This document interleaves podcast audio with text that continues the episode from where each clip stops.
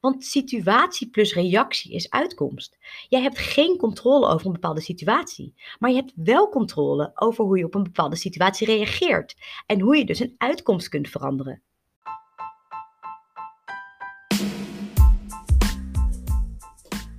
Welkom allemaal bij Geluk is een Keuze, de podcast voor vrouwen die meer uit hun leven willen halen. Ik ben Pauline Hendricks en in deze podcast deel ik tips, tricks, motivatie en inspiratie die jou gaan helpen om je gelukkigste leven te leiden. Geluk is geen eindbestemming, geluk is een keuze. Een keuze die je elke dag opnieuw kunt maken. Let's dive in!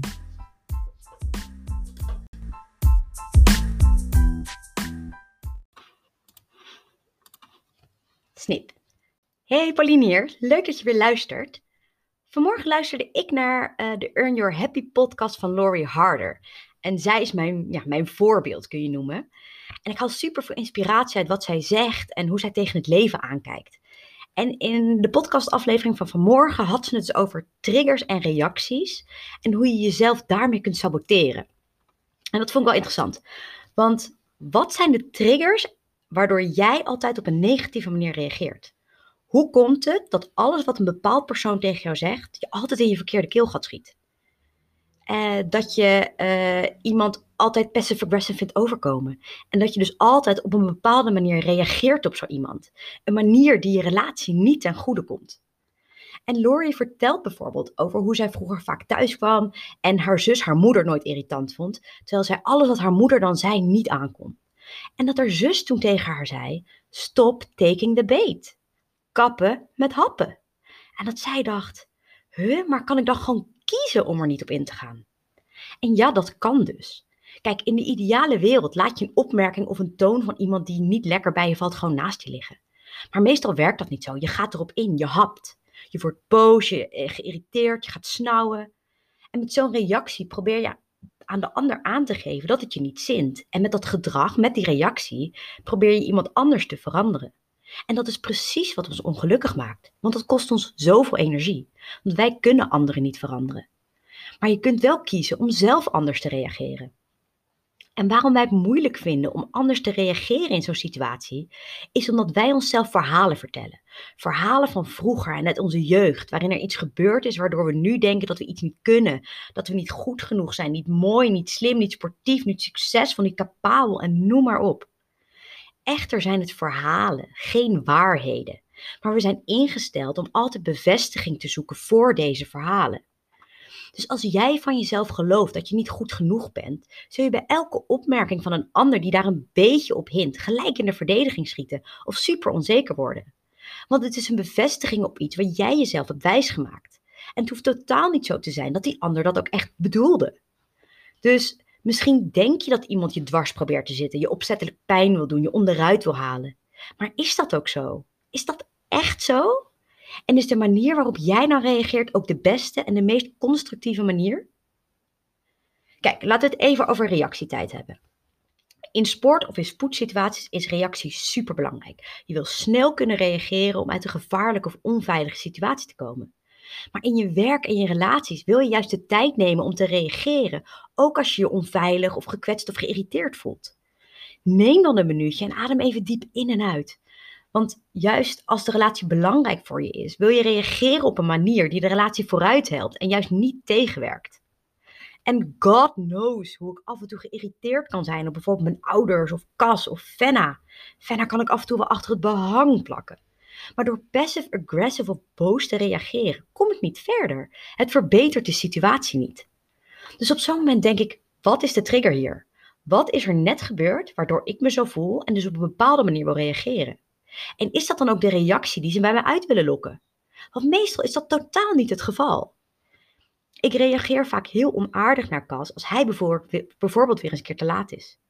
Maar dat komt omdat ik het belangrijk vind om op tijd te zijn. Dus ga ik dat bij hem proberen te veranderen. En dat lukt niet. Dus als hij weer eens te laat is, dan irriteer ik me daaraan en reageer ik dat af op hem. En het niet op tijd zijn is voor mij dus een trigger. Op tijd zijn is iets waar ik mijn hele leven al moeite voor doe, omdat ik dat belangrijk, voor, omdat ik dat belangrijk vind. En als iemand anders dat minder belangrijk vindt of daar niet zo mee bezig is, vind ik dat vervelend. Maar dat is mijn probleem. Dus als Cas een appje stuurt, sorry ik ben een uurtje later, dan word ik bij wijze van spreken al boos. Maar dat boos zijn helpt niet, want als hij thuis komt en ik ga super chagrijnig lopen doen, wordt onze avond er ook niet gezellig op. En daarnaast kan het gewoon gebeuren dat je te laat bent of dat een meeting of zo uitloopt. En hij heeft het me gewoon netjes laten weten.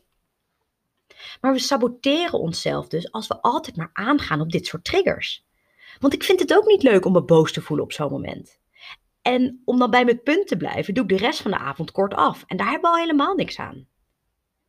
Wat ik nu dus doe, is ervoor kiezen om het te laten gaan. Om me niet zo te voelen. Om te denken: oké, jammer, rij voorzichtig, ik zie je straks. En het hem dan niet kwalijk te nemen als hij thuiskomt.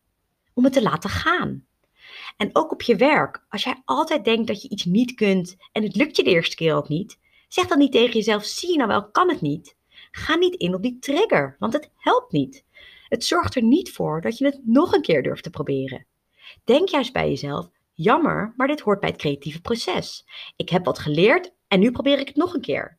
Laat het geen trigger zijn om een onzekerheid te bevestigen, om het verhaal in jou te bevestigen dat je niet goed genoeg bent of iets niet kunt. Maar denk bij jezelf: hoe kan ik anders reageren? Hoe kan ik ervoor zorgen dat de uitkomst de volgende keer anders is? Want situatie plus reactie is uitkomst. Jij hebt geen controle over een bepaalde situatie, maar je hebt wel controle over hoe je op een bepaalde situatie reageert en hoe je dus een uitkomst kunt veranderen. Als jij jezelf altijd maar in dezelfde soort situaties blijft vinden, in je leven, in je relaties, op je werk, met je familie, en je blijft maar dezelfde uitkomst hebben, dan komt dat omdat jouw reactie niet verandert. Omdat jij altijd getriggerd wordt om op een bepaalde manier te reageren een manier die jou niet helpt. En je kunt er wel denken, waarom moet ik veranderen? Waarom moet ik de bigger person zijn? Maar het gaat om anders reageren. En dan kan je alsnog voor jezelf opstaan.